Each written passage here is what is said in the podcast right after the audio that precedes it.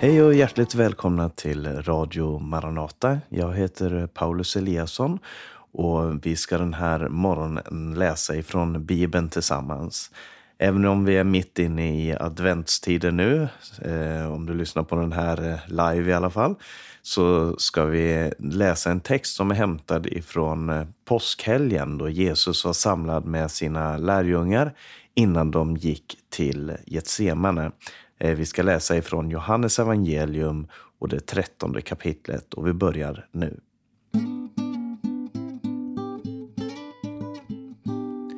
Johannes evangelium kan man säga är delat in i två delar.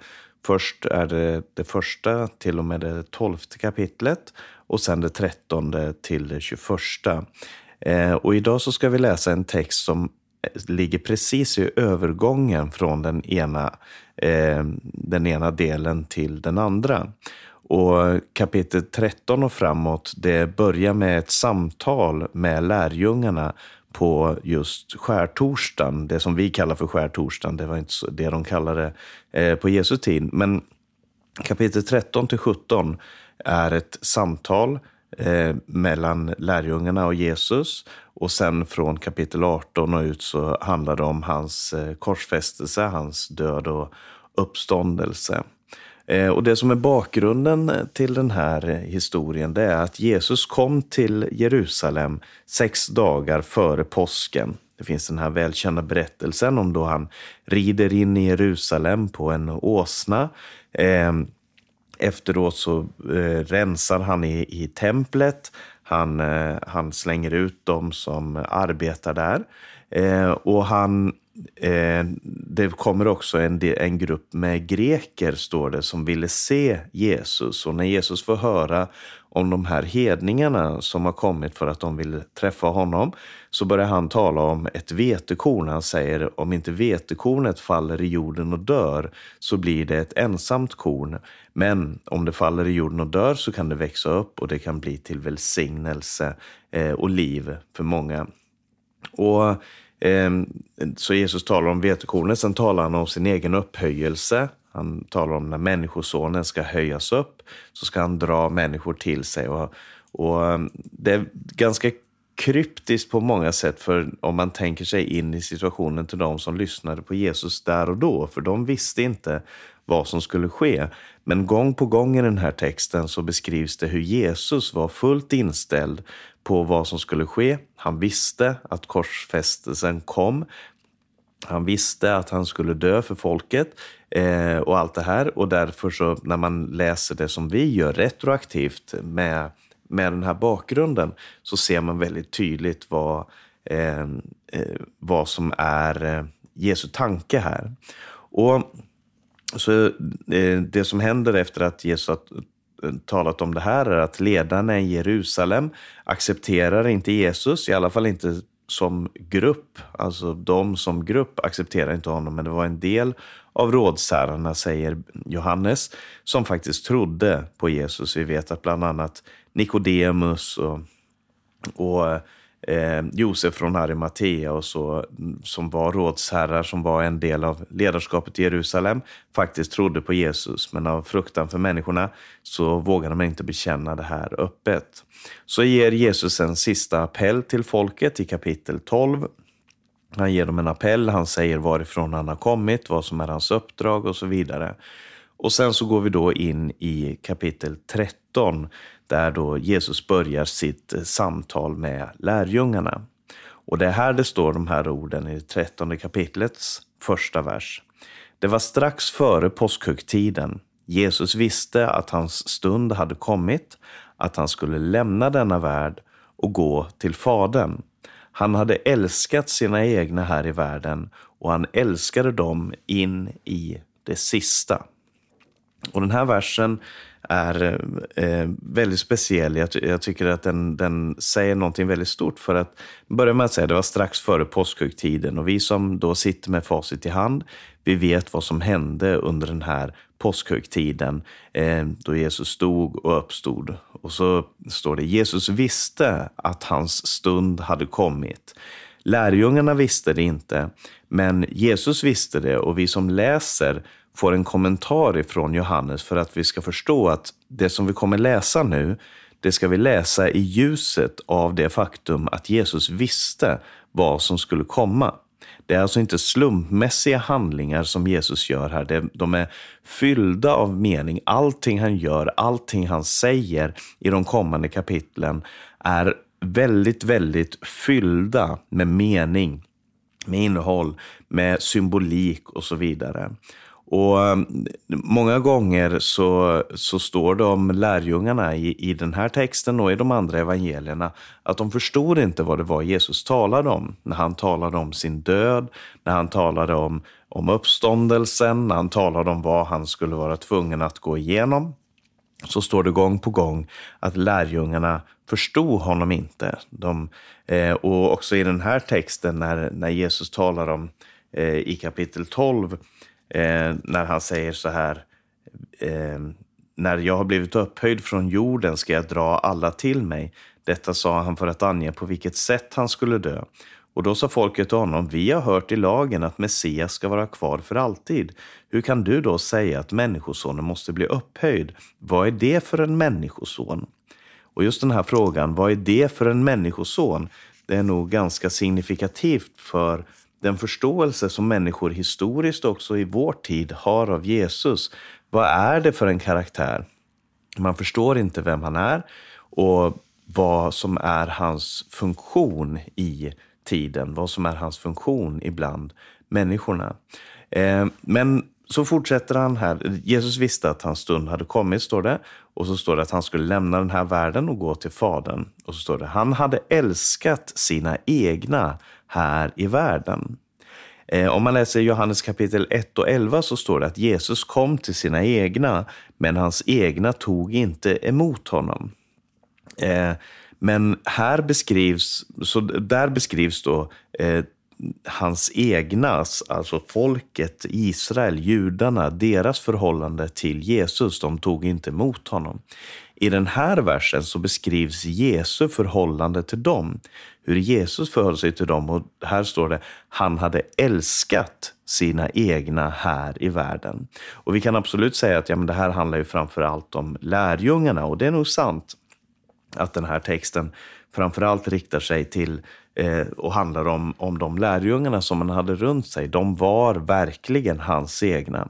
Men i, i det stora hela så handlar det här om Jesus kärlek till alla människor. Han hade älskat sina egna i den här världen.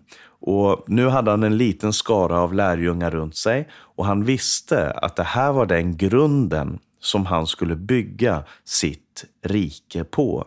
Eh, som det står i kapitel 17 när Jesus talar till Fadern och ber. Och så säger han att jag går till dig, men de här är kvar i världen. Och jag ber för dem och jag ber för alla dem som ska komma till tro genom de ord som de talar. Och så kommer det här uttrycket, och han älskade dem in i det sista. Och det där är så otroligt vackert ord. Han älskade dem in i det sista. Eh, I 1917 års översättning så står det, så gav han dem nu ett yttersta bevis på sin kärlek. Det handlar inte bara om att han älskade dem ända till änden, alltså ända till korset. Men det, det handlar om det också. Jesus älskade dem hela vägen. Men han, det här är ett bevis, ett yttersta bevis på hans kärlek. Det som sker härifrån och till slutet av evangeliet, det är en kärleksdemonstration. Det är det yttersta beviset på Guds kärlek uppenbarad i Jesus från Nasaret. Han slutade inte älska dem och hans kärlek minskade inte. I den tredje versen så står det Jesus visste att Fadern hade gett allt i hans händer, att han hade utgått från Gud och skulle gå till Gud. Jesus beskrivs alltså som den eviga, han som hade utgått ifrån Gud. Han visste varifrån han kom. Han visste var han var på väg, han skulle gå till Gud och han visste vad som hade förändrat sig under hans tid här på jorden, nämligen att Fadern hade givit allt i hans händer. I Matteus evangelium 28 kapitel så säger Jesus, mig är given all makt i himmel och på jorden. Eh, och i Johannes evangelium, så, eh, i det tredje kapitlet, så står det Fadern älskar sonen och allt har han gett i hans händer. Och i det sjätte kapitlet så talar Jesus också om det här, att alla de som Fadern ger till mig, de kommer till mig och den som kommer till mig, honom ska jag sannerligen inte kasta ut. Så det här är ännu en beskrivning av Jesu eh, eh, oändliga kärlek och eh, att han, varifrån han kom, var han, varifrån han skulle gå. Han visste om allt det här. Och i Lukas så, så föregås ju den här händelsen när Jesus är i, i eh, har det här mötet med sina lärjungar som vi strax ska, ska komma fram till, så föregicks den här händelsen av att de, när de var på väg dit, så gick lärjungarna och diskuterade vem av dem som var den största.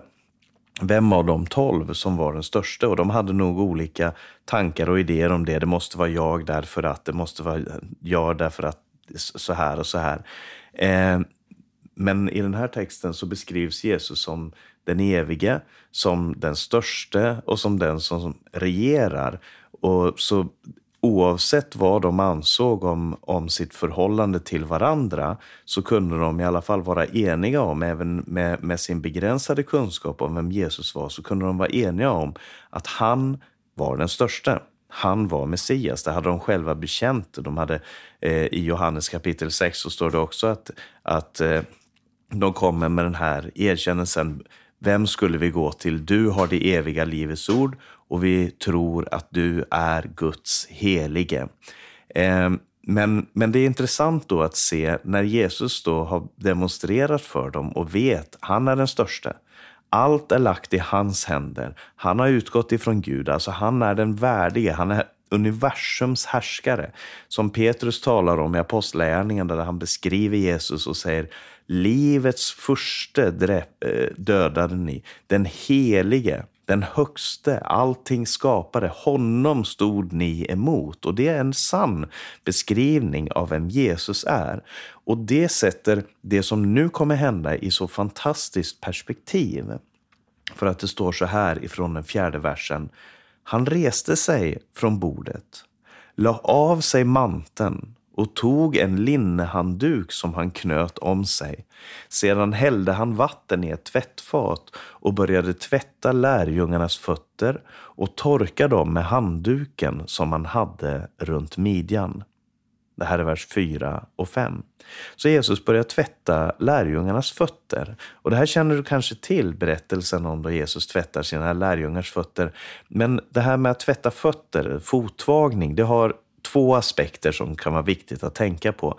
För det första, så deras fötter på den här tiden eh, såg nog inte ut som våra fötter. Alltså, fötterna såg naturligtvis ut som våra fötter, men när de hade varit ute och gått en hel dag eh, ute i Jerusalems gator, det fanns inga asfalterade gator, det var inga man hade inga heltäckande skor, så att det man hade var sandaler och det man gick runt i var sand och grus och sten eh, och smuts på det sättet. Och, och därför så blev man väldigt smutsig, framför allt om fötterna.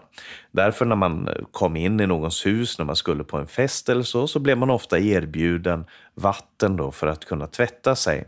Eh, men eh, om det var ett fint hus, om det var en herre, en härskare som hade tjänare och så, slavar, så kunde han då ha slavar som tvättade hans fötter då han kom hem.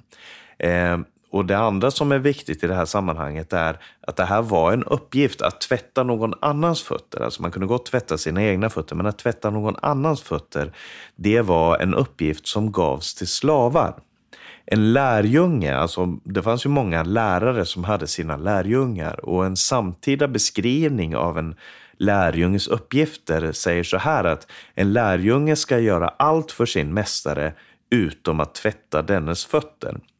För att det ansågs vara den lägsta eh, uppgiften som man kunde få. Den mest förödmjukande, smutsigaste och så vidare. Som verkligen visade ens underkastelse under en annan person.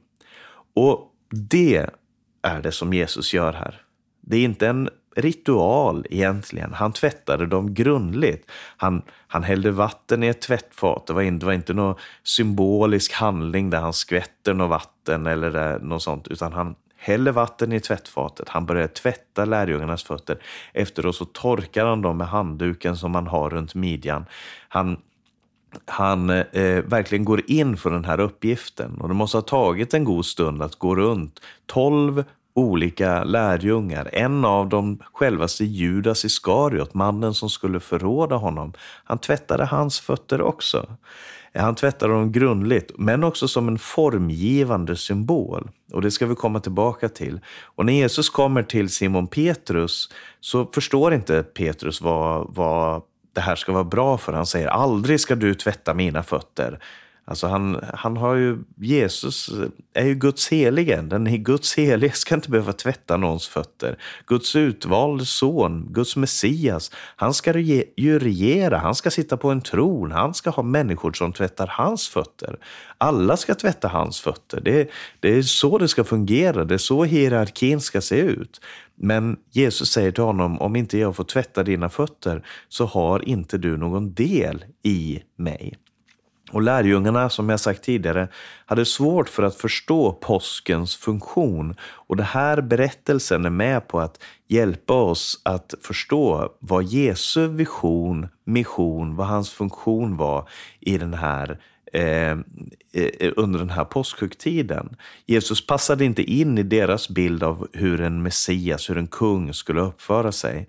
Men Jesus använder den här fotvagningen för att beskriva vad hans rike verkligen består av och för att de senare skulle förstå vad som hände där på korset. Så det finns två olika lektioner att hämta ifrån den här händelsen. För det ena, det ena är att berättelsen hjälper oss att förstå vad Jesus gjorde då han dog på korset. Vad det är han har gjort för oss. Men det andra är att det här också är en programförklaring för församlingen. Och jag ska tala lite om de här två sidorna till slut här också.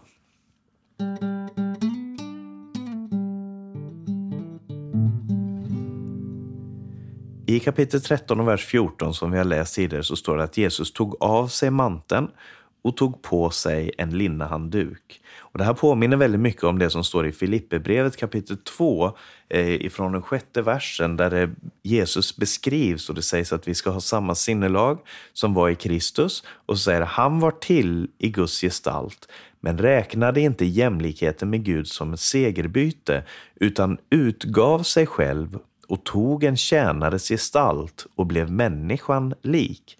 När han till det yttre hade blivit som en människa ödmjukade han sig och blev lydig ända till döden, döden på korset. Här talas det om han utgav sig själv. Andra översättningar säger han avklädde sig själv. Alltså den härligheten som han hade, den tar han av sig, precis som han tar av sig manteln. Och så ikläder han sig en tjänares gestalt, precis som han tog på sig den här linnehandduken. För att kunna ta på sig linnehandduken måste han ta av sig manteln. Men, men hans härlighet och hans storhet blir inte mindre för att han avklär sig, utan den blir större. Och från Jesus samtal med Petrus så förstår man att fotvagningen är en symbol på någonting som är mycket större. Eh, det, det handlar om eh, gemenskapen med Jesus själv. För Jesus säger till Petrus när han säger du ska inte, du ska inte tvätta mig, så säger han ja, men om jag inte får tvätta dina fötter så har du ingen del i mig. Alltså det, här är en, det här är en symbolisk handling som handlar om delaktigheten i Jesus. Du måste låta Jesus få betjäna dig. Och när Petrus får höra det så säger han inte bara mina fötter men också hela mig. Och Jesus säger, ja, men ni, den som har badat sig, den som har tvättat sig är redan ren. Och ni är rena, men inte alla. Och han syftade då på Judas Iskariot. Men, men i den här berättelsen så handlar ju fotvagningen handlar om den dagliga enkla gemenskapen med Jesus själv och med hans församling. Och eh, att Jesus kommer och betjänar, det handlar, det är en, en, att han tvättar deras fötter är en symbol på det han senare kommer göra, där han ger sitt eget liv för deras skull. Och den här eh, fotvagningen är en symbolisk handling eh, som handlar om heligheten som vi får uppleva när vi kommer nära Jesus. Helgelse genom att komma nära honom, genom att ta del av hans liv. Men den andra saken som den här berättelsen eh, lär oss, det är att när, när Jesus hade tvättat deras fötter och tagit på sig manteln och lagt sig till bords igen, så står det, då sa han till dem, förstår ni vad jag har gjort med er? Ni kallar mig mästare och herre och det med rätta, för det är jag. Om nu jag, er herre och mästare, har tvättat era fötter, så är också ni skyldiga att tvätta varandras fötter. Jag har gett er ett exempel för att ni ska göra som jag har gjort mot er. Jag säger er sanningen, tjänaren är inte större än sin herre och budbäraren är inte större än den som har sänt honom. Det säger han i vers 12 till 17. Och lite senare i samma kapitel, i vers 34-35, så säger han Ett nytt bud ger jag er, att ni ska älska varandra. Och inte bara det, men så fortsätter han, så som jag har älskat er ska också ni älska varandra. Om ni har kärlek till varandra ska alla förstå att ni är mina lärjungar. Så det här beviset som Jesus, som du började med att säga, att han, han älskade dem ända in i det sista. Den kärleken önskar han att vi ska eh, vara bärare av själva. Att vi ska ha den samma kärleken inte bara till honom, men till varandra. Att vi ska se världen med hans ögon. Att vi ska älska så som han älskade. Att vi ska leva som han levde. Och om man går till första Johannes brev, som ju då, eh, så vitt vi kan förstå, har samma författare som Johannes evangelium, så är det där en utläggning och en förklaring och en applicering av det som Jesus säger i Johannes kapitel 13 till 17. Han, han tar det som utgångspunkt, det han har lärt sig av Jesus i den här berättelsen om att eh, där Jesus demonstrerar sin kärlek genom att tvätta lärjungarnas fötter. Så om man läser i, i första Johannes brev så talar han mycket om det här att vi eh, Eh, ska bli honom lika genom att göra det som han gjorde. I kapitel 2, vers 6 i första Johannesbrev står det Den som säger sig förbli honom är skyldig att själv leva så som han levde.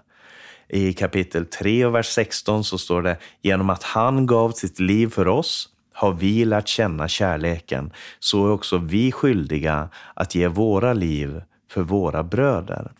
Och i kapitel 4, vers 19 så står det Vi älskar därför att han först har älskat oss. Så Jesus eh, presenterar ett rike, en värld, en, en verklighet som inte bygger på den här världens hierarki, utan han presenterar ett nytt rike med en ny ordning. Och man skulle tro att när ett nytt rike ska utropa sin, sin egen nya ordning, då ska det vara med pompa och ståt. Det ska vara med, med eh, eh det ska förevigas genom målerier, det ska förevigas, det ska vara vackra kläder, det ska vara ståtligt och förnämt och fantastiskt. Men det sättet som Jesus introducerar sitt rike på, det är med ett handfat med smutsigt vatten efter hans lärjungars fötter. Det är inte världens hierarki utan ett nytt rike med en ny ordning. Och på samma sätt så introduceras också hans nya rike genom korset. Korset som är platsen där Guds rikes revolution verkligen börjar. Där vi får se hur mycket han älskar oss. Så högt har Gud älskat världen att han gav sin ende son för att var och en som tror på honom inte ska förgås utan ha evigt liv. Att vara kristen, det handlar om att se på Jesus, se det som han sa och det som han gjorde och låta hans revolutionerande kärlek få forma oss och bli vår mönsterbild för att förändra världen. Vi kommer aldrig klara det här genom våra egna ansträngningar. Vi kommer inte klara att leva ett heligt liv för Gud i vår egen kraft, eh, med, med våra egna prestationer. Och om det än skulle vara så att några människor skulle klara det, då skulle det, hela evangelium vara baserat på vår självdisciplin och på vår förmåga att hantera, eh, att stå emot synd, att stå emot eh, ovilja och kärlekslöshet och så vidare. Kanske några har en, en läggning som är åt det ena eller andra hållet. Men det, det som är lösningen är inte att leta i sig själv, utan det som är lösningen är att se upp till honom som levde och dog för oss. Att se upp till honom som, eh, som älskade syndare och som älskade dig och mig. Och att låta den kärleken få förändra oss. Att se honom som reste sig upp ifrån bordet, där han hade sin rättmätiga plats, där han skulle ha regerat som kung. Han reser sig upp ifrån det bordet och så går han och talar till sina lärjungar, umgås med sina lärjungar eh, och tvättar deras fötter. Renar dem genom, genom att anta en tjänares skickelse, genom att förödmjuka sig själv, genom att ödmjuka sig själv, så blir han också upphöjd. Och därför säger Bibeln, har han det namn som är över alla andra namn, och alla namn i himlen och på jorden ska böja sig en dag och bekänna att Jesus är Herre. Amen.